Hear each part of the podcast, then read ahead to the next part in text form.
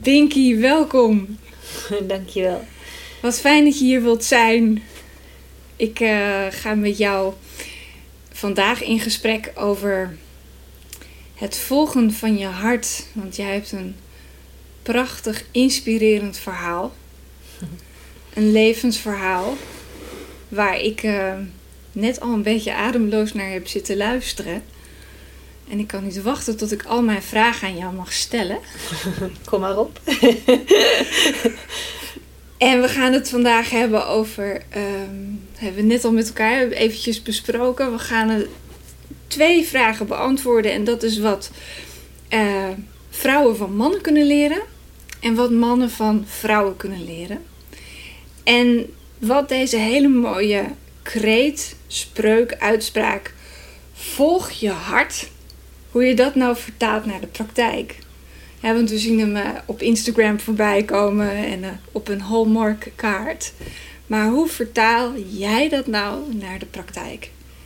Zou jij misschien aan de mensen die jou nog niet kennen willen vertellen wie je bent? Ja. Het is wel grappig om dan direct met mijn naam te beginnen. Ik ben Binky Tauber op dit moment, getrouwd met Tijn Tauber. En ik heb ook heel lang een andere naam gehad. Dabekousen, Binky Dabekousen. En daarvoor Bianca Siemens. Zo. Oké. dus ja, wie ben ik? ik ben ik. En op dit moment ben ik Binky Touwen. En daarvoor heb ik een hele mooie relatie gehad met uh, David Dabekousen. En ik heb zijn naam gedragen na zijn dood. En dat vond ik een heel mooi souvenir of nagedachtenis wat ik nog een hele lange tijd bij me heb gehouden. En, uh, iets meer dan een jaar geleden ben ik opnieuw getrouwd, dus met Tijn. En nu heb ik zijn naam bij me. Ik vind het ook weer heel mooi om dat weer te dragen. Dus, uh, Wauw. Ja. En volg je hart. Ja, er zijn dingen in mijn leven gebeurd waardoor ik op een bepaald moment echt mijn hart ben gaan volgen. Onder andere de dood van mijn man. Mm -hmm. En dat heeft mij zo op scherp gezet van hé, hey, maar het leven is nu en het, en het bestaat nu en wat wil ik in het leven? Mm -hmm. En vanaf toen ben ik echt mijn hart gaan volgen. Daarvoor ook wel een aantal keren in mijn leven, maar niet zo bewust als op dat moment. En toen is mijn hele leven anders geworden. En ik zie de dood van mijn man ook wel eens als het mooiste cadeau in mijn leven. Zo. Ja. Hoe oud was je toen? 34. 34 jaar. En hoe zag jouw leven er op dat moment uit? Wat deed je bijvoorbeeld? Daarvoor of tijdens zijn overlijden? Of, of iets, iets vlak voor zijn overlijden? Nou, ik werkte bij een farmaceutisch bedrijf. Ja. Ik had mijzelf heel langzaam opgewerkt vanuit een, ja, een studie voeding en diëtetiek. Die ik echt nooit met heel veel liefde heb gedaan. Ik deed heel vaak dingen waarvan ik dacht van nou dat zou dan wel goed zijn. Hmm. Maar mijn echte hart volgen deed ik op dat moment nog niet. Hmm. Maar zoiets bedacht van nou diëtist dat is het niet. Dus dan maar weer dat doen. En zo ben ik langzaam in de farmacie gerold. En mezelf een beetje zo opgewerkt naar de medische afdeling. Studies vond ik interessant. En toen was ik medical advisor. En deden we studies bij, bij uh, oncologen. Mm -hmm. Dus daar was ik. Um, ik had een relatie met David al een aantal jaren. Een drietal jaren, drieënhalf. En voordat hij ziek werd. Mm -hmm. En uh, ik deed heel veel aan improvisatietheater. Daar, daar had ik hem ook van leren kennen. En ik was een echte doener. Ik had mijn naam verdiend, Binky, omdat ik altijd aan het klussen was. Altijd stoere dingen deed in het leven. En uh, ja, altijd aan het sjouwen, aan het bouwen. En heel erg opgegroeid vanuit mezelf. Dat als je iets wil maken, dat je dat kan. En zo leef ik nog steeds. Dus... En jij kan ook stukken, hè? Ja. Vertelde je net. Leidingen wow. leggen. Tegelen. Maakt niet wow. uit. Ja. En die, die houding van ik kan dat allemaal dat, en ik wil het ook allemaal kunnen. Heb je dat van huis uit meegekregen? Ja, maar ook wel heel erg vanuit mezelf. We hadden vroeger een kinderboek. En er waren twee van die jongens die, die met z'n tweeën een vliegtuig bouwden. En daar was ik zo door gefascineerd. Dus, waarvan ik echt het gevoel had: hé, hey, als je wil, kan je alles zelf maken. Prachtig. En daar ben ik later ook over na gaan denken: van ja, als iemand een vliegtuig kan bouwen, waarom zou ik dat niet kunnen als ik echt helemaal in zou gaan? Dus dat, ja, die, die drive die heb ik altijd gehad. En dat viel op. En toen gingen mensen jou Binky noemen. Ja, op een bepaald moment wel. Ja. Jeetje. En toen werd jouw man ziek, want je vertelde net, ik werkte ook met oncologen. Ja. En toen bleek jouw partner een patiënt. Ja, dat was. Uh, nou ja, hij werd een patiënt bij de hematologen, dus bij, bloed, uh, bij bloedziekte, bloedkanker. Mhm.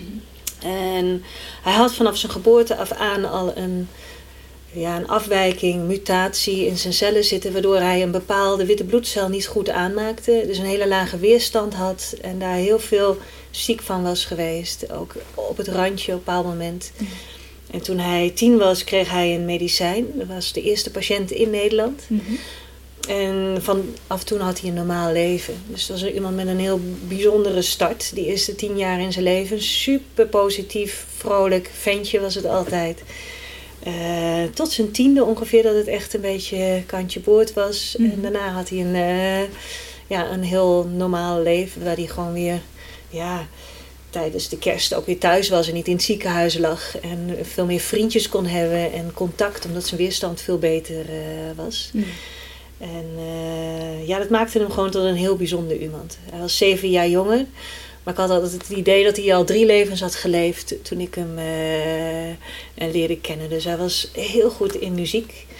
Speelde geweldig piano. Was heel goed in, in het werk wat hij deed. Hij werkte bij Pathé en eh, deed eh, als, als stagiair en kon daar direct blijven. En deed alle artfilms, de programmeringen op zijn 24ste of zoiets. Dus een begaafde iemand. En in het theater was hij ook al heel, heel ja, gegrond. Hij stond daar, kon mooie dingen maken als eh, improvisatieacteur. Wauw. Ja, dat was een bijzonder type. Een bijzonder type. Ja, En een Ja. bijzonder type met wie je bent getrouwd, terwijl jullie wisten dat het eindig was. ja hij, eh, hij had op de tweede dag dat we elkaar kenden, zei hij van nou, er bestaat een kans dat ik leukemie krijg. Dat ik, de- dat ik eh, door die medicijnen die ik slik, heb ik een vergrote kans. Het is maar heel klein, maar ik wil het je wel laten weten. Met de vraag of ik dan bij hem zou blijven als zoiets uit zou eh, komen. Ja. Waarbij ik vanuit mijn hart direct zei van ja, dat, dat doe ik. En ik weet niet waarom ik dat zo zei, want we kennen elkaar net. Maar dat voelde zo als, ja, van dit is het juiste antwoord. En, eh, en toen bleek hij na 3,5 jaar inderdaad leukemie te krijgen, te, te hebben. Ja. En toen heeft hij negen maanden lang eh, nou een enorm project in het ziekenhuis. Met drie hele zware chemokuren, waar hij lange tijd ook voor in het ziekenhuis lag. Dus het was meer daar dan thuis.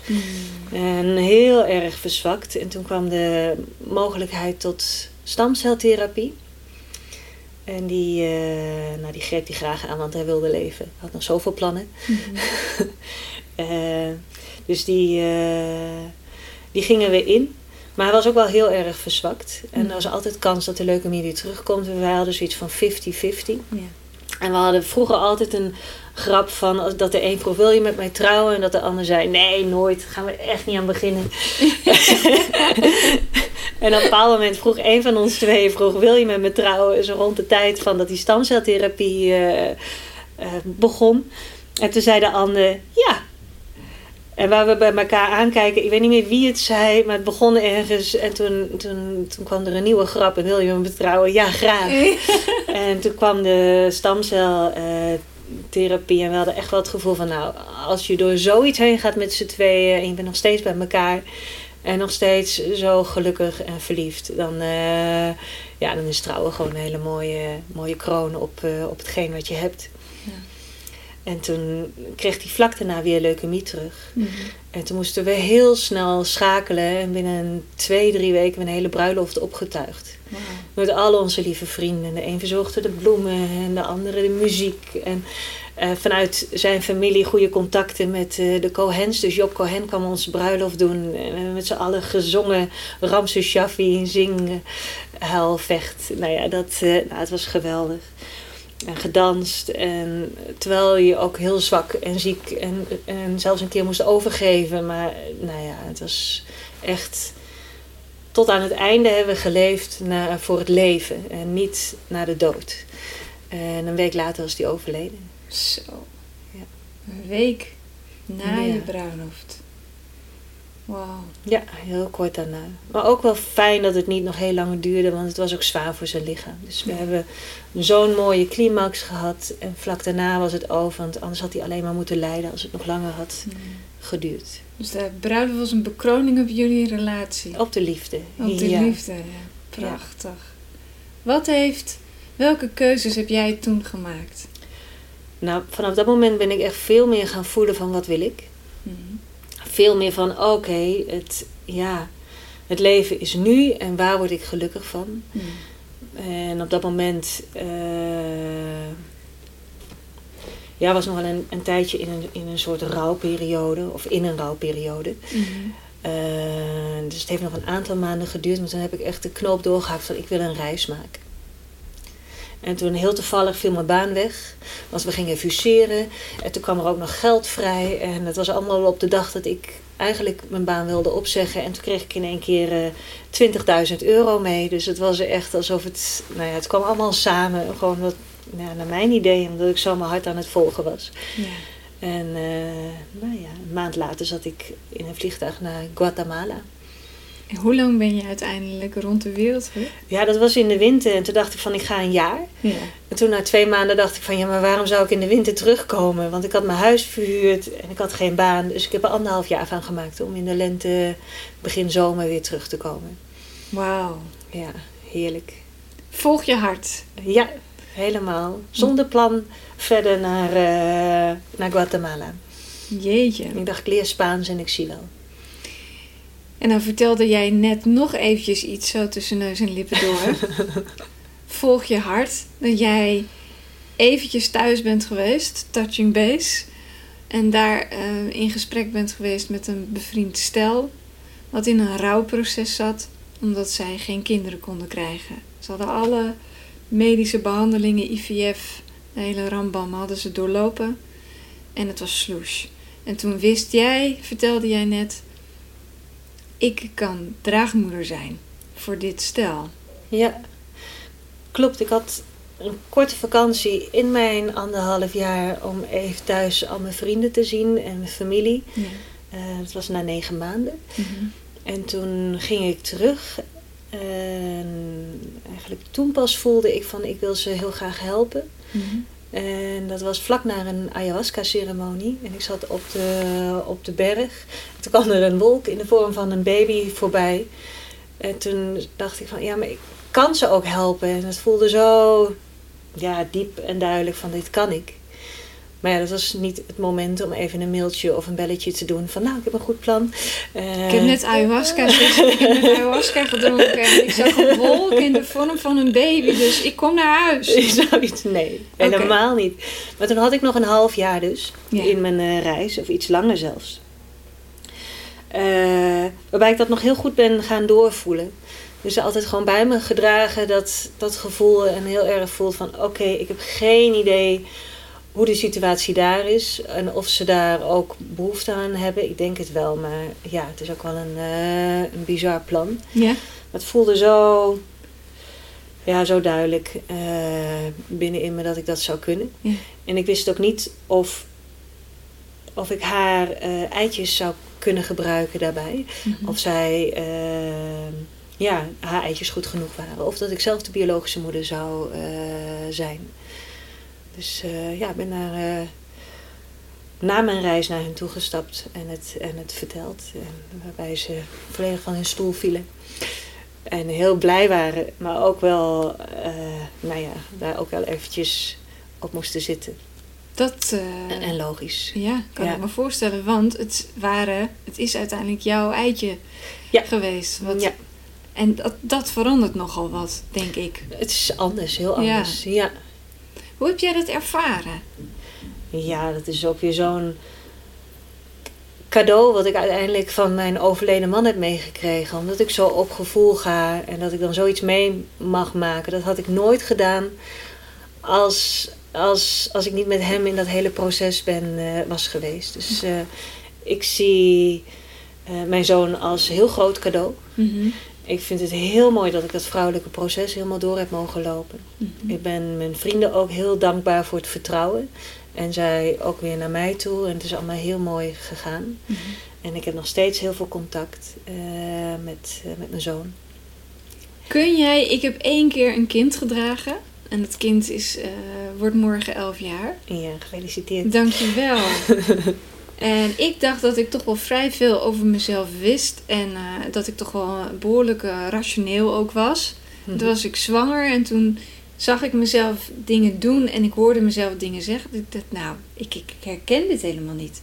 En de mensen om mij heen die zelf al kinderen hadden, die zeiden: Haha, jij bent echt zo zwanger. Dat die, die herkenden het direct als hormonen, weet je wel, dit, dit hoort erbij. En ik kan me zo, uh, ik vind het zo fascinerend dat jij dit proces hebt kunnen doorlopen uit liefde voor je vrienden. Van tevoren natuurlijk niet weten waar je aan begint. Nee. En dat je vervolgens afstand kan doen. Het kind aan, aan de, in de armen van je vriendin kan leggen en zeggen: Mijn taak zit erop. Nou, dat laatste niet.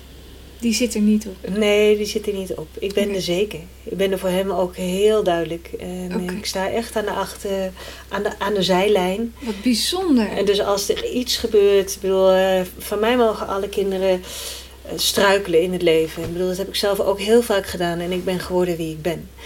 Dus ik heb ook altijd gezegd, ik ga me niet bemoeien met jullie opvoeding, behalve als er iets is wat, wat, waarvan ik denk van, oh my god, dat kan echt niet. Maar Mhm. voor de rest, wat voor school of ja, waar, waar die ook terecht komt, eh, zolang hij er gewoon lekker doorheen hobbelt, dan eh, prima. Want hij wordt wie hij is met, het, met alles wat hij meemaakt in zijn leven. En hij mag struikelen. Hij mag vallen. Er mogen heftige dingen gebeuren. Want het gebeurt bij ons allemaal in het leven. Dus Zonder uitzondering. Dus jullie hebben vooraf, voordat jullie dit proces met elkaar met z'n drieën ingingen, hebben jullie al besloten dat jij een rol zou blijven spelen in het Altijd. Wauw. En dat het altijd transparant zou blijven. Dus dat hij zou weten hoe het zou zitten. Wauw. Vonden we heel belangrijk. Jeetje. Ja, ook naar hem toe. Go- Hoe Ja. gaat, kun je me daarin meenemen? Hoe gaat dat in, het, in, het, in de eerste zes maanden van zijn leven? Ehm, nou, wat wij hadden afgesproken. En er komt trouwens ook een kinder, kinderbescherming en een rechter komt daaraan te pas. Dus je kan niet zomaar eh, zo'n beslissing nemen. Nee. En het meest ideale is als het een vrouw is die onder de 40 is. Ja. Dat was ik niet. Die al een partner heeft. Die had ik niet. En die zelf al kinderen heeft. Dat had ik ook niet. Maar toch, omdat ik volgens mij zo krachtig in mijn gevoel stond. En omdat ik de biologische moeder ben. Dus ook niet dat hele proces in zo'n ziekenhuis met eitjes en dergelijke hoefde te ondergaan. Konden we, konden we het wel door laten gaan. Eh, dus eh, ja, het was ook wel ergens een soort van risico die ik niet voelde, maar wel de mensen om mij, eh, om mij heen. En daardoor ook wel de bezorgdheid van de adoptiemoeder. Dus zijn, zijn moeder waar hij nu bij woont. Mhm. En dus dat, dat begreep ik ook allemaal heel goed. Dus we hadden alles op papier gezet. Zo'n papier is een soort van contract, maar niet helemaal eh, ja, wetsgeldig, maar wat je wel met z'n allen ondertekent. Van hoe je zo'n hele eerste proces doorgaat, dat ze er geen geld voor krijgen. Of dat ik er geen geld voor krijg, sorry. En dat ze mijn kleren, zwangerschapskleren betalen. En dat soort dingen staat erin. Maar ook wat je allemaal doet tijdens de bevalling en, en daarna. Mhm. Dus dat hebben wij gemaakt, een soort plan. Waarbij we ook met de bevalling in het ziekenhuis er allemaal waren. Mhm. En dat ze erbij zijn geweest. En dat ik eerst heel even het kindje bij me mocht hebben. En daarna dat hij werd overgegeven aan zijn ouders. En dat we met z'n allen nog een heel ritueel maakten. ehm, om, om het af te sluiten. En er was ook nog een hele goede vriendin van hun en van mij bij. Die zelf ook al kinderen had gehad. Die mij er ook doorheen eh, sleepte. Dus die bij me was. Mijn ouders zaten in de wachtkamer.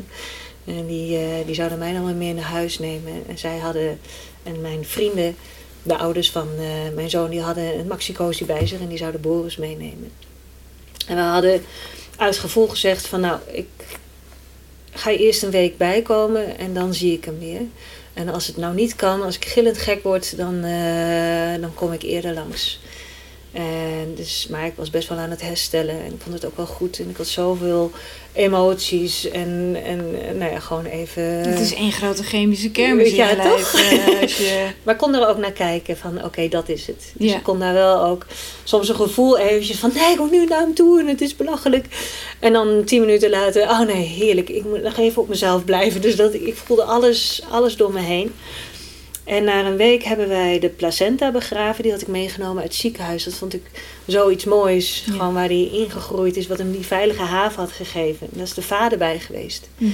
En nog wat vrienden. En toen zijn we met die placenta en zo'n emmertje en een paar scheppen... zijn we het bos ingelopen. En hebben we daar mooi met volle maan een ritueel gedaan. Stenen erbij gelegd. En eh, nou, gewoon met heel veel liefde... eh, daar een, een perenboompje opgezet. En eh, dat begraven.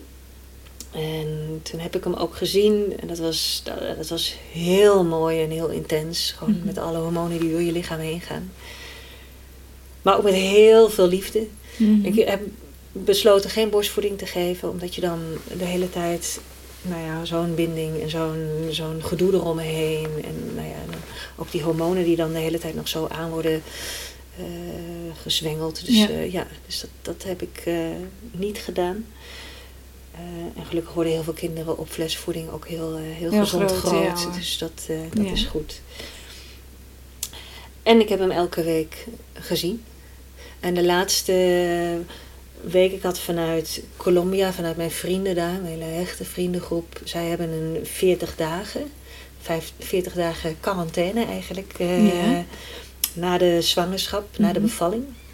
Waarbij de vrouw heel goed op zichzelf past. Dus ook al is het heel warm buiten, je doet altijd een, iets om de schouders. Je doet eh, voldoende kleren aan. Je gaat niet dansen, geen alcohol. Je zorgt dat je met heel veel andere vrouwen om je heen bent. Om echt die vrouwelijke energie bij je te houden. Want je staat energetisch zo open na een zwangerschap. Dat het heel goed is om dat klein te houden, binnen huis. Goed voor jezelf zorgen, goede voeding. Mhm. Dus dat heb ik heel goed gedaan. En de laatste week heb ik een stilteweek voor mezelf ingepland. Dus toen ben ik in mijn eentje ergens gaan zitten. Op een mooie locatie. En toen ben ik echt gaan voelen van... Ja, wat voel ik nou allemaal? En er waren zoveel mensen met meningen. Van je zou het wel vreselijk vinden. En je zou hem wel weg willen halen. En wat zul je een groot verdriet hebben. En je zult wel dit en je zult wel dat. Allemaal heel goed bedoeld. Allemaal projecties. Maar waar je als, als hormonenbom echt gewoon, ja, dat krijg je gewoon er allemaal bovenop. Ja. Dus ben ik heel goed gaan voelen van wat is nou van mij en wat is van de ander. Mhm. Vanuit het ziekenhuis, vanuit nou, al mijn vrienden, mijn ouders en, en iedereen. Dus dat, op een bepaald moment kon ik dat er allemaal zo afhalen. Ja. Dat was eigenlijk in de tweede dag van de stilte al. En toen bleef er een heel groot verdriet, voelde ik, Ja. over. Ja. Toen dacht ik van ja, maar dit is gewoon liefde. En dat switchte om. En daarna heb ik gewoon een paar dagen alleen maar met een grote glimlach op mijn hoofd. Met zoveel liefde rondgelopen. Dat het was gewoon opgelost. Prachtig. Ja, dat was heel fijn om te doen. Wat een ongelooflijk verhaal. en waar begin je aan? Ja, Wat bezielt je, Binky? dat is toch sowieso in het leven. Waar begin je aan? Waar begin Of je nou aan? een kind voor jezelf. Of een kind voor een ander. Ja, dat is precies waar. Als we van tevoren allemaal weten wat we Dat wat was heel mooi. In, in het begin gingen we naar zo'n bureau voor draagmoeders. Eh, Dat bestond toen nog. Later is dat opgeheven. En toen, eh, toen zei de adoptiemoeder, die zei ook van... Ja, maar waar ik mee zit, is dat hij niet in een normaal gezin opgroeit. Waarbij zij heel hard begon te lachen, de, de, de coach. Van, zijn er dan normale gezinnen? Ja. En mij Wijs me er dan even in. Ja. Ja. Dus het is maar net wat je, ja, wat je normaal vindt. En ja, ik, ik heb nog steeds heel erg gevoel. Ik ben er voor voor hem. En in de tussentijd leef ik mijn vrije leven. Wat ook naar mijn idee een heel fijn plaatje is voor hem. Van dat ik ook echt voor mezelf kies. Ja. Maar ja, ik ben er altijd voor. Dus eh, Mm. ik, ik ben ook heel veel energetisch met hem verbonden. Dus eh, vooral in het begin. Ik hou van ehm, ja, healen op afstand. Dat, Mm. eh, ik heb het idee dat we dat allemaal in ons hebben. Dus gewoon heel veel liefde naar hem toe st- eh, sturen. En energetisch vasthouden. Want die band die is er. En ik weet zeker dat hij dat gevoeld heeft. Wat een boffert is die Boris van jullie. Ja, hè? Zo, zo loopt hij ook door het leven. Toen hij net kon eh, nou ja, praten, gingen we een lijstje maken van, eh, van alle mensen waar hij van hield.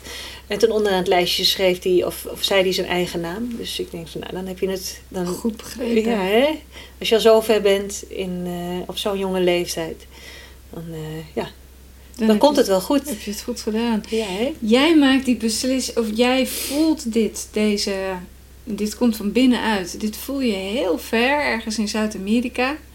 Je besluit dan niet gelijk de telefoon te pakken en te zeggen: Goh, hoe zouden jullie het vinden om? Maar je laat dit een half jaar echt bezinken en je doorvoelt het en je wacht wat ermee, wat ermee gebeurt totdat het terugkomt en terugkomt en terugkomt. En dan ga je er naar handelen en ga je met zijn ouders praten. Ja. Ik, eh, ik heb een, eh, dit is wat ik voel en dit is, dit is wat ik denk dat ik kan. Vervolgens, weet je, vertelt net van eh, eh, er, er is een kinderbescherming bij betrokken. En er is nog een instantie bij betrokken. En rechten. Je gaat uiteindelijk ook nog naar de rechten, ook om de adoptie te regelen. Precies. En die willen je dan ook nog even zien en kijken hoe het allemaal gaat. Dus, eh, Heb jij weerstand ondervonden in dat proces? Nou, er was een moment dat we naar de rechter gingen en dat ik afstand moest doen. En dat woord afstand, dat vond ik helemaal niet fijn. Maar we hadden een hele fijne advocaat. Die, eh, zij was zelf lesbisch en had ook zo'n adoptieproces meegemaakt. Mhm. En zij wist dat eh, met woorden anders te brengen. Dus dat we gezien de situatie, ik wel in beeld bleef, maar dat het beter was voor Boris om, eh, ja, om bij zijn adoptiemoeder en, en, en zijn vader te wonen. Maar dat ik altijd in beeld bleef. Ja. En ja, dat maakte voor mij zoveel uit. Maar op het moment dat ik hoorde dat ik er afstand van moest doen, dacht ik van nee, ik doe niet afstand van jou. Je blijft altijd in mijn leven. En, eh, Mhm. dus daar heb ik wel wat ehm, weerstand gevonden. En ik vond het heel moeilijk om het mijn ouders te vertellen. Dus dat vond ik ook een, eh, ja, wel een hobbel. Ik heb zelfs gewacht tot nadat ik zwanger was om het hun te vertellen. Omdat zij. ehm, omdat de adoptieouders. eh, nou, eigenlijk pas op een later moment zeiden van oké, ja. Ja. En toen gingen we eerst één keer proefdraaien. Omdat ik wist niet precies wat mijn... eh, het was met een injectiespuit, dus was niet, eh, maar ik wist niet precies wanneer mijn ovulatie was. Dat had Ja. ik op dat moment nog niet duidelijk. Ja. Dus we hadden zoiets van, nou laten we de druk er even afhalen en het gewoon zo een keer proberen. En dan weten we een beetje hoe het proces is. En toen was ik direct zwanger. Dus dat was, de kans was heel klein en het moest zo zijn. En, eh, en ik wilde hun dus ook niet met een heel verhaal eh, bij mijn ouders komen zonder dat ik wist of daar da- daadwerkelijk ook uitkomst bij was. Dus Mm. ik dacht van ik vertel het wel als het zover is. ja, en toen was Ja. het zover. Dus toen ging ik naar mijn ouders op bezoek. Ja. En toen had ik al gezegd van nou, ik wil jullie wat belangrijks vertellen. Nou, dan weten ze altijd al wel dat het eh, belangrijk is. Mm. Dus toen zaten we aan de keukentafel. En toen vertelde ik dus dat ik zwanger was en draagmoeder. En daar schrokken ze behoorlijk van. En, nou, ik ben altijd al een beetje een vreemde eend in de bijt geweest. Dus mijn moeder en vader hadden zoiets van... Oh mijn god, waarom kom jij nou weer met zo'n verhaal? En eerst eigenlijk in de angst en paniek. Mm. Ehm, en toen in één keer werd het doorbroken. was een heel mooi moment. Ik denk dat we de vijf minuten zo van... Ja, maar dit met allemaal zorgen. Wat waren hun zorgen? Ehm, ja, maar wat als je, als je het kind nou zelf wil houden en weet je wel waar je aan begint? En nou ja, dat zijn de zorgen die misschien bij meerdere mensen op zouden komen. Ja. Ja, en eh, moet je dit nou wel doen? Ja. Ja. Doe je jezelf niet heel erg pijn? Wat nou als je spijt krijgt op een bepaald moment in je leven? Dat Ja. soort zorgen. Ja. Ja, Heel terecht lijkt mij. ja, vooral als ouders zijn.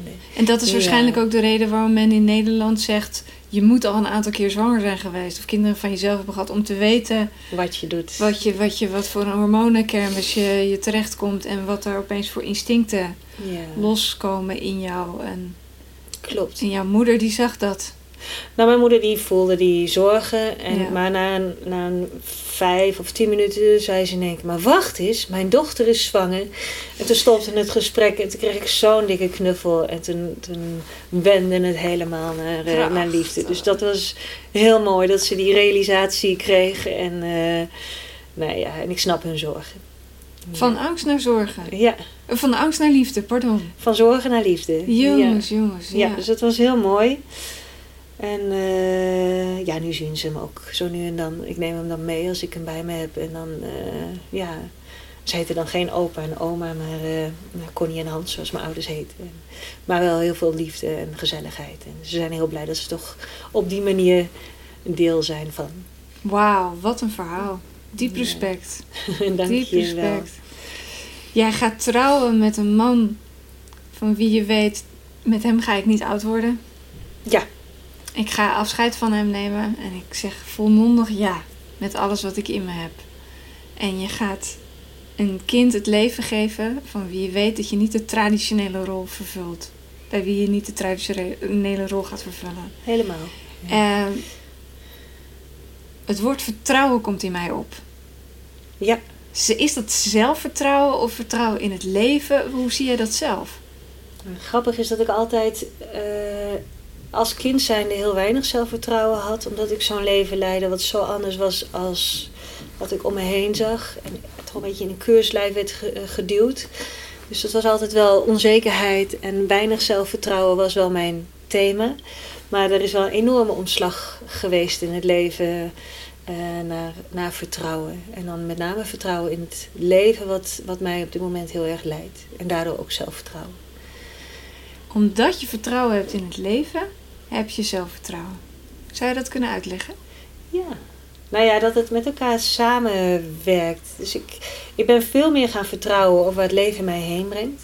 Mhm. Ik heb dingen meegemaakt in het leven wat mij veel meer bij mezelf heeft gebracht. Mhm. Waardoor ik ook veel meer zelfvertrouwen ben gaan krijgen. Mhm.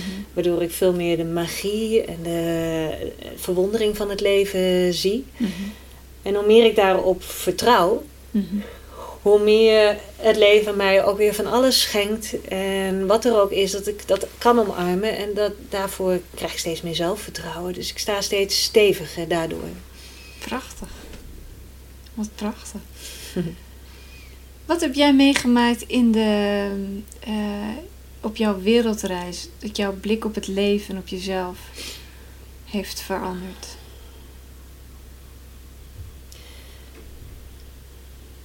dat ik. Dat is echt een reis geweest waarbij ik mezelf heb ontmoet. Mhm. Ik heb heel veel tijd gehad om mezelf te ontmoeten. En wat ik heel erg merkte in het begin is dat die hele crowd van mensen die op reis gaan, die ja, langere tijd wereldreizigers, dat zijn heel veel jongeren of gepensioneerden. En ik zat daar een beetje tussenin met mijn 35. Die vinden elkaar ook steeds hè, in cafés. En, uh... en ik wilde heel graag juist net die cultuur leren kennen mhm. van Midden-Zuid-Amerika. En ik heb me daar dus een beetje van uh, ja, gedistanceerd. En ik ben veel meer in contact gegaan met de mensen. Dus ik heb heel erg mijn best gedaan om die Spaanse taal zo snel mogelijk te leren. Ja. Maar daardoor was ik ook best wel vaak op mezelf, omdat ik nog niet zoveel contact kon leggen. Mhm. En dat was super goed voor mij. Om heel diep naar binnen te gaan. En na een maand of twee, drie Midden-Amerika wilde ik uh, verder reizen. Dus niet weer van het ene land naar de ene, ene toeristische attractie naar de andere. Maar gewoon echt die cultuur in. En toen heb ik vrienden aangeschreven in Colombia die ik kende vanuit de improvisatietheater. Of tenminste, ik had ze twee keer gezien in Nederland. En gevraagd van of ik, of ik op een andere manier ook uh, Spaans kon leren. Dus niet op zo'n schooltje met alleen maar buitenlandse toeristen. En toen uh, zei, zei, hebben jullie niet iets van een theaterworkshop of wat dan ook, waar veel beweging in zit en weinig woorden. En toen ben ik uiteindelijk dus eh, twee lessen gaan doen achter elkaar. Waarbij de ene was beweging, dans. En, uh, en de tweede, dat was Shakespeare. Waarbij ik gewoon een tekstje uit mijn hoofd moest leren. Met de meest rare Spaanse woorden. Die zelfs de, de Colombianen om, nog om moesten gniffelen. En, uh, maar wel ook heel veel interactie natuurlijk binnen die groep. En dat was heel leuk. Dus dan, ja, ik heb twee workshops daar gevolgd. En jij hebt de taal op een hele andere manier uh, leren spreken. Ja. hoe, hoe ben je uiteindelijk bij, uh, bij de ayahuasca uitgekomen? Nou, die, die vrienden uit Colombia, wat ondertussen mijn beste vrienden zijn. Dat zijn zulke lieve mensen. Ja. Die zo anders in het leven staan ook weer dan wij hier. Mm -hmm. uh, die, die hadden een, een, een finca, dus ja. een landgoed. 2,5 uur van Bogota vandaan. Ja. En dat lag in de bergen. Uh, het was wel een beetje bebouwd gebied, maar daar was het gewoon echt een paar hectare uh, nou ja, berg en mm -hmm. prachtig. Um, en daar was een hele fijne shamaan, mm -hmm. die van kinds af aan zijn opleiding had gekregen van zijn opa. Als heel jonge jongen en zo dus uh, nou, een enorme wijsheid bij zich droeg. En daar in die finca dan zijn ceremonies deed. Dus wij waren daar elk weekend. En daar zaten ook ayahuasca-ceremonies aan vast. En dat was geweldig beangstigend. super en helend en alles. Nou, ik ben daardoor enorme processen heen gegaan. En met een heel bijzondere wijsheid van de plant die ik mee heb gekregen. Kun je voor mensen die dit nog nooit gebruikt hebben, maar die als ze in Nederland wonen on- ongetwijfeld wel een keer het woord hebben, Ja, hebben voorbij hebben zien komen. Kun je uitleggen wat een ayahuasca-ceremonie is en wat die plant met jou gedaan heeft? ja, ik kan het wel een beetje uitleggen. Het is een plant uit de jungle. ehm, wat eigenlijk wordt samengevoegd aan een andere plant. Mhm. En dat maakt een stofje aan, dat heet DMT. Mhm. Dat maak je zelf ook aan, maar dan Mhm. maak je het aan in grote hoeveelheden. En wat het eigenlijk doet, is dat het je naar een, een spirituele reis brengt. Maar in de tussentijd maakt het je lichaam ook een soort van in een, ja, een koortsproces. Waardoor je eigenlijk ook wel een beetje gevloerd wordt. Dus vaak lig je en is je ook je hele lichaam bezig met een reiniging. Ja. Waarbij je ook vaak moet overgeven. Maar het overgeven is ook vaak de emotie die je moet overgeven. Dus als ik moest overgeven, dan was het altijd van... Wat ben ik nu aan het overgeven? Ja. En dat ook echt aankijken, voelen, omarmen. Dus het is echt een hele spirituele reis. En het is een manier, er zijn duizenden manieren om, om tot een diepte of tot, tot, tot het omarmen van schaduwen of dergelijke te komen. Het is een hele aardse manier. Ik zeg ook altijd, er zijn ook heel veel andere manieren om er naartoe te komen. Dus het is echt niet nodig om een ayahuasca-reis te doen om tot je antwoorden te komen. Het is gewoon een manier en het is een hele wijze plant. Ik heb ook echt contact met haar. Het is een, een vrouwelijke plant gehad. Ze heeft me zoveel uitgelegd. En ik heb een heel groot stuk van de dood van mijn man eh, daar ook nog kunnen verwerken. Dus dat was ook heel, eh, heel te gek. Allemaal oude pijnen waar ik nog geen eens bewust van was. Die bovenkwamen. Waarbij, waarbij de shaman een speciaal eh, ayahuasca samenstelling aan mij gaf. Om dat naar boven te halen. Dus dat, ja, dat was bijzonder. Is het verslavend, zo'n proces? Met ayahuasca? Ik denk het niet, omdat het Mhm. ook zo intens is dat je het eigenlijk niet al te vaak doet. Hoewel Mhm. ik het wel een tijd achter elkaar had gedaan, omdat ik ook de hele week voor de rest nou, de vrijheid had en ik was daar en eh, nou ja, gewoon in hele goede handen. Maar ik denk dat de plantje op een bepaald moment ook wel zegt van nou is, nou is het genoeg. Oké. En dan heb je ook echt geen fijne eh, reizen meer, denk ik. Mhm. Maar ja, het zou een escape route kunnen zijn om elke keer weer in die schaduw te duiken. Maar het is best intens. Je doet het niet voor je lol, eh, heb ik begrepen. Nee, nee, het is echt wel, eh, je, wordt, je bent er echt wel ja, een 7, 8 uur mee bezig. En het is niet de hele tijd prettig. Je wordt e- echt wel geconfronteerd met je meest donkere stukken. Mhm. En daarnaast ook met het meest mooie van de wereld. Dus het is niet alleen maar zwaar. Nee. En vooral dat laatste, dat je ook geconfronteerd wordt met het, mooist, me- het meest mooie van de wereld, zoals je dat zegt. Ja, Denk ik dat, dat daar eh, misschien wel een verlangen kan ontstaan van, oh, dit wil ik nog een keer. ja Dit dat denk ik ook wel. Ja. Ja. Wat Kijk- zijn de andere routes die jij bewandelt om die, deze DMT eh, te produceren? ja, vanuit het hart leven. Vanuit hartleven? Oké. Ja, dus veel meer op gevoel in plaats van wat ik denk. Ja. En daardoor ook steeds bewuster leven. Mhm. Omdat als je vanuit gevoel iets benadert, dan kijk je er ook op een andere manier naar. En dan, en dan ga je het ook anders voelen en zien. En dan neem je andere keuzes, denk ik. Mhm. Eh, mediteren. Ik ben heel veel muziek gaan maken. Mhm. Dat heb ik ook vanuit mijn reis eigenlijk meegenomen. Een hele mooie connectie met het shamanisme. Ja, ik denk dat al die dingen waar je heel blij van wordt, waar je heel vervullend van raakt en echt volledig vanuit je hart doet, dat dat al die fijne stofjes sowieso al aanmaakt. En eigenlijk ayahuasca-reis heb ik al lang niet gedaan. Mhm. Dus ik anderhalf, ja, misschien al twee jaar niet, denk ik. Dus eh, ja. Het is meer. Ik vind het wel meer in het, in het dagelijks leven. En, en ik, heb, ik heb de plant niet nodig. Het zit altijd nog wel in me. Ja. Ik heb het zelfs toen ik twintig weken zwanger was, ben ik ook naar Colombia gegaan. En heb ik ook ayahuasca genomen. Zo. En heb ik een hele mooie reis eh, gemaakt. Mhm. Met een heel ja, mooi gesprek ook met, eh, met mijn zoon in mijn buik. Waar ik hem heel veel kon uitleggen en hij zijn verhaal vertelde. En dat was magisch. Dus, eh, En kon hij je toen ook vertellen waarom hij die ene, die ene proefsessie gelijk heeft gepakt? ja, ergens wist ik dat. Dat wist ik al. Dat, Ja. Ik was in mijn lichaam daar zo klaar voor. En, eh, Ja, ja. het kon. En het hele bijzondere is, toen wij die gekke avond hadden gepland met die proefsessie. Ja. eh, toen had ik een examen van mijn werk. Want Mhm. als eh, medical advisor moet je heel vaak examens doen om al die studies goed bij te houden, al die cijfertjes. En toen ging ik, eh, na dat examen ging ik naar hun toe. Toen hebben we die, eh, nou ja, onze sessie gedaan eh, met de spuit. en, en daarna ging ik direct door op stilte En dat was mijn allereerste stilte die ik ooit gedaan heb. En dat was bij Tijn, Oké. bij mijn huidige man. Dus ik heb ergens de... Nou ja, ergens was hij er dus al bij. Mijn zoon, die, eh, ja, de, de bevruchting op dat moment voelde ik ook in stilte. Dus echt dat het, dat het contact maakte. Waarvan ik dacht van, hmm, dat zou het wel eens kunnen zijn. Maar ook net zo goed niet. Maar ik, ik had wel echt het idee van, nou, zou kunnen. En dat was op dat moment. Dus eh, ja, Tijn is er ook bij geweest. Wauw. Ja, hè?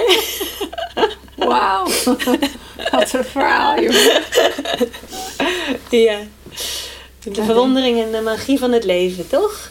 De verwondering en de magie van het leven. Nou, inderdaad. Ja. Inderdaad. Wat mooi dat je dat zo uit... Ja, in alles. De dappere keuzes die je maakt. De moed. De...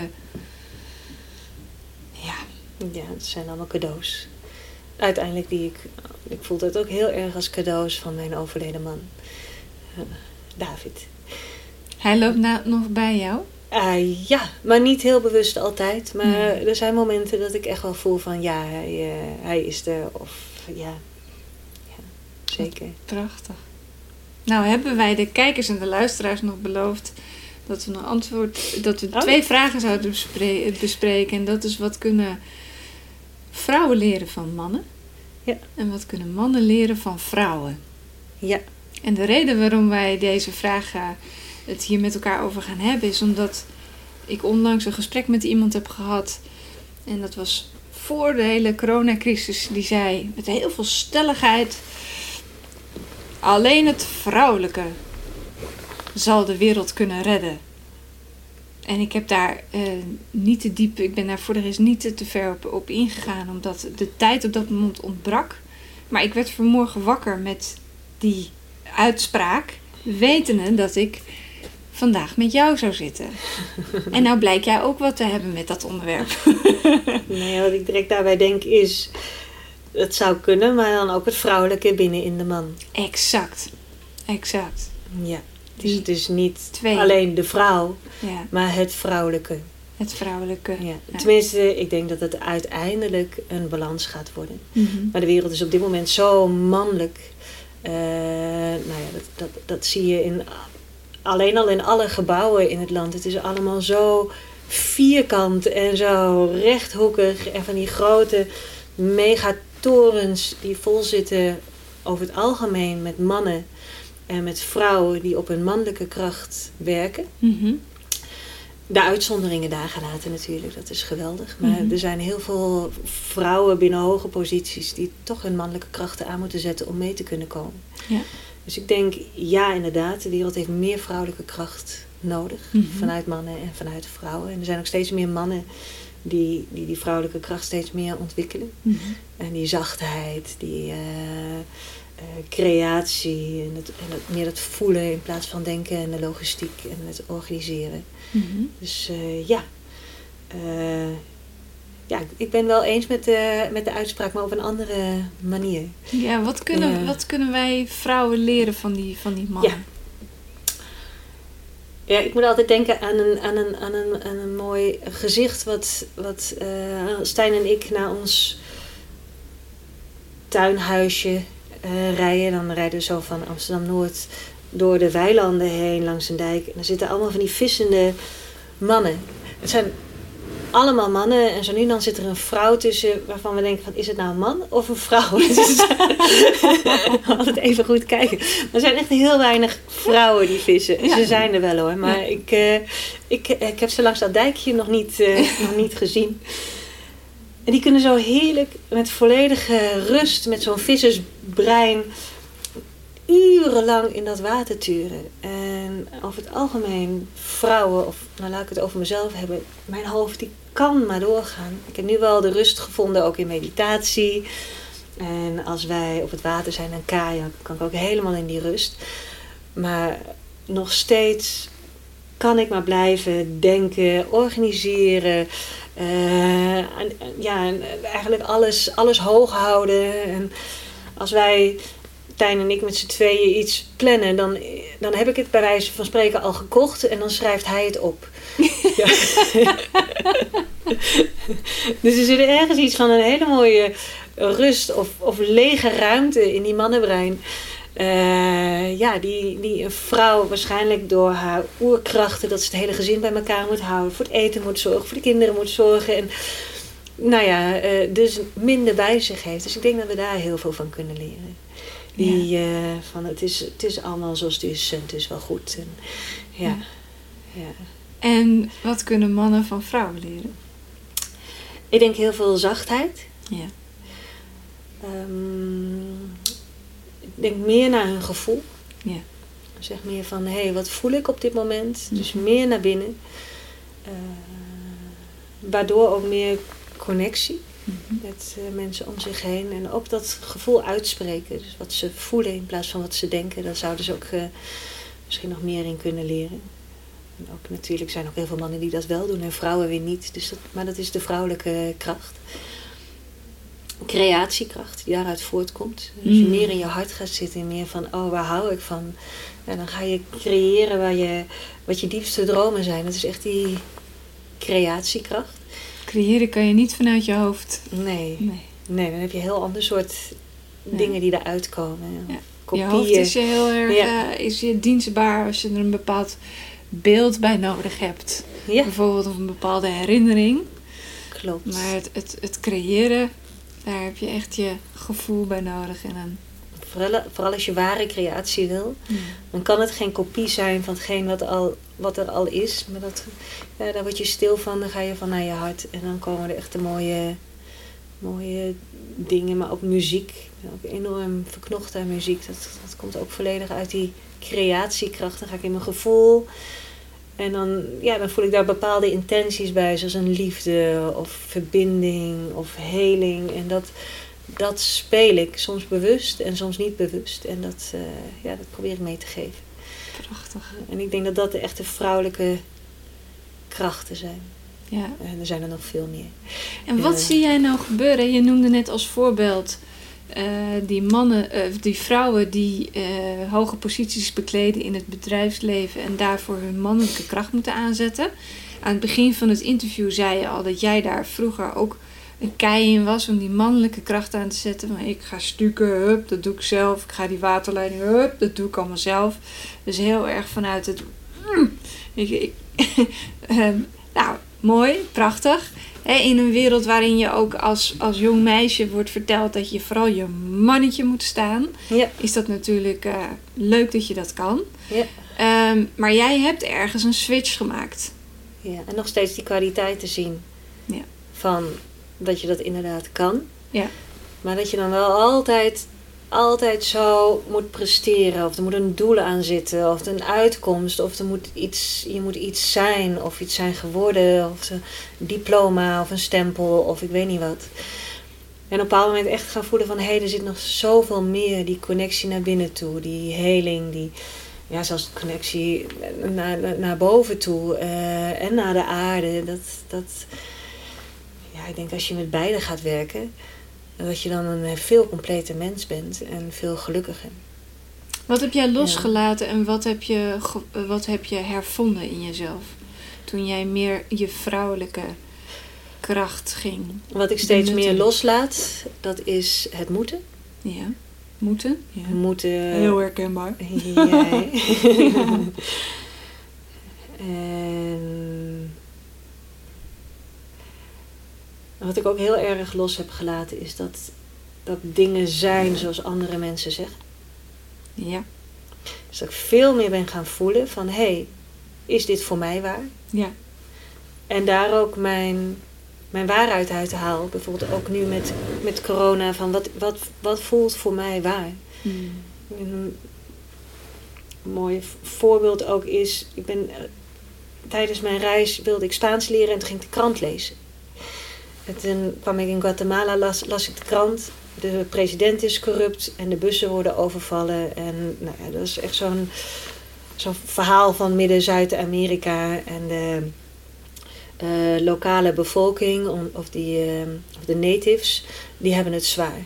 En dan kom je in het volgende land heb je precies dezelfde kop. De president is corrupt en uh, de bussen worden overvallen en de natives hebben het zwaar. En zo las je dat zo in ieder, in ieder land. En dan, en dan denk je van ja, het wordt allemaal zo gemaakt door de media. En je gaat er zo in geloven omdat je het op die manier leest. Maar wat is voor mij waar? En wil ik nog wel, wil ik nog wel dit soort informatie hebben? Dus al die informatiestromen die zeggen wat de waarheid is? Of ga ik gewoon echt zelf leven? En hoe wil ik dat dan doen?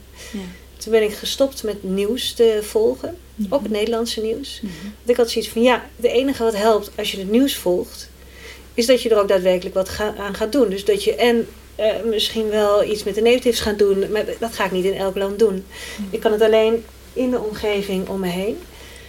En daar wil ik mijn, mijn liefde, mijn waarheid, mijn, mijn compassie delen. Dus ja, het heeft niet zoveel zin om, om al die informatie en al die ideeën maar tot je te nemen en daar dan je waarheid van te maken. Maar wat, wat voel je zelf? Maar impliceer je daarmee dat als je het nieuws volgt, dat je dan ook automatisch in de actie gaat? Nou, dat je jezelf afvraagt van waarom volg ik het nieuws? Mhm. Wat doe ik ermee? Dus ja, je kan jezelf informeren. Ja. Maar als jij jezelf informeert van, oh, er zijn allemaal vreselijke dingen in Tahiti of in waar dan ook, wat doe je ermee? Kijk, als je, de, als je zoiets hebt van, hé, hey, ik ga er wat mee doen, of ik, uh, ik wil daar geld aan geven, of ik wil daarheen, dan, dan, dan, dan kan je ook daadwerkelijk iets bijdragen. Ja. Maar voor de rest, je kan er eigenlijk helemaal niks mee. En de meest belangrijke dingen, die krijg je ook mee als je niet het nieuws volgt.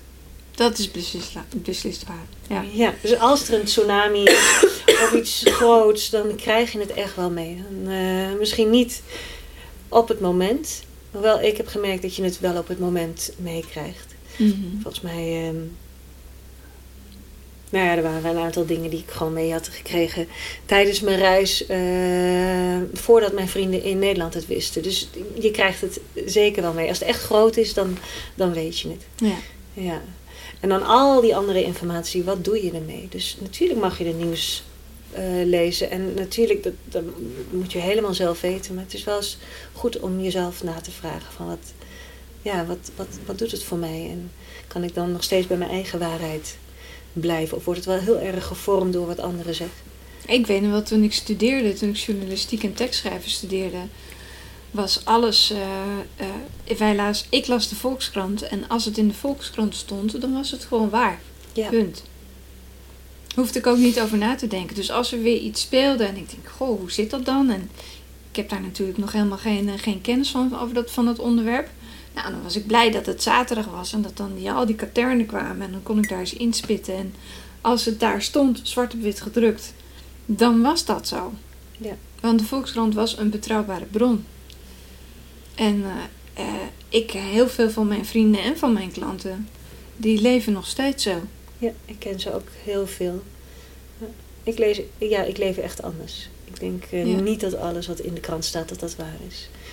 En, er zijn nog zoveel andere bronnen die, die, ook, ja, die ook met informatie komen. Maar het meest belangrijk is denk ik toch wel ja, het gevoel en ja, waar, waar ik mee resoneer. Ja, voelen Wat, wat, wat voor jou klopt. En, ja. uh... betekent trouwens niet dat ik niet helemaal, uh, dat, dat ik niks meer wil weten. Ik, ik, ik vind het wel heel belangrijk om op de hoogte te zijn, maar niet van alles. Nee. Ja. Maar wel van bepaalde, bepaalde zaken. En die, Martijn komt ook heel vaak met, met informatie. Mm -hmm. Of ik lees wel eens wat. Of uh, ja, dus ik, ik verdiep me wel. Ja. Maar ik wil niet overspoeld worden met meningen of met alleen maar de mening van de krant. Ja, nee, dat, dan raak je op een gegeven moment ook de verbinding met je innerlijke kompas kwijt. Ja. ja. Het lucht enorm op. Ik kan, ik kan iedereen die, die hier nu naar luistert en denkt: Goh, hoe werkt dat voor mij? Ik vind het ook heel fijn om, eh, om, om iedere dag nu.nl te raadplegen. Of eh, ik heb geen tijd voor het nieuws, maar op zaterdag heb ik zeker bij mijn, bij mijn ontbijtje eventjes eh, de NRC erbij. Ehm, nou, de uitnodiging te geven van experimenteer daar eens mee. Om gewoon eens, om eens 30 dagen ehm, erop te vertrouwen dat als iets echt heel erg belangrijk is, dat het jou wel vindt, die informatie. En dus meer contact te maken met die innerlijke bron van wijsheid. En eens te voelen van wat klopt nou eigenlijk voor jou? Wat Misschien klopt nou een voor mij? Heel mooi experiment om de krant 's ochtends weg te leggen en eens te gaan mediteren en voelen van wat is mijn waarheid. ja, Dat zou een heel mooi experiment zijn, denk ik. prachtig. Ja. Wat zou jij ehm, mensen mee willen geven ehm, die voelen dat zij op dit moment voor een persoonlijke transformatie staan, voor een persoonlijk veranderingsproces? Dat zij eh, merken dat ehm, dingen die zij tien jaar geleden als vanzelfsprekend hebben beschouwd. Nou, ik, ik werk hard en ik ik betaal mijn hypotheek en ik, eh, ik zorg altijd dat ik meer leer en dat ik meer kan. Ik moet vooral heel veel. En die zich nu beginnen af te vragen: Nou, ja, klopt dat nog wel voor mij? En ehm, ik voel dat ik iets anders wil, maar ik weet nog niet precies wat. eh. en als ik naar de, nou ja, de, de kranten opensla of het nieuws raadpleeg, dan eh, zie ik toch behoorlijk veel verandering en, en ik hoor verschillende stemmen en ik weet niet zo goed waar ik op moet focussen. Wat zou jij deze mensen voor advies mee willen geven? En ten eerste dat het goed is dat ze in zo'n proces zitten.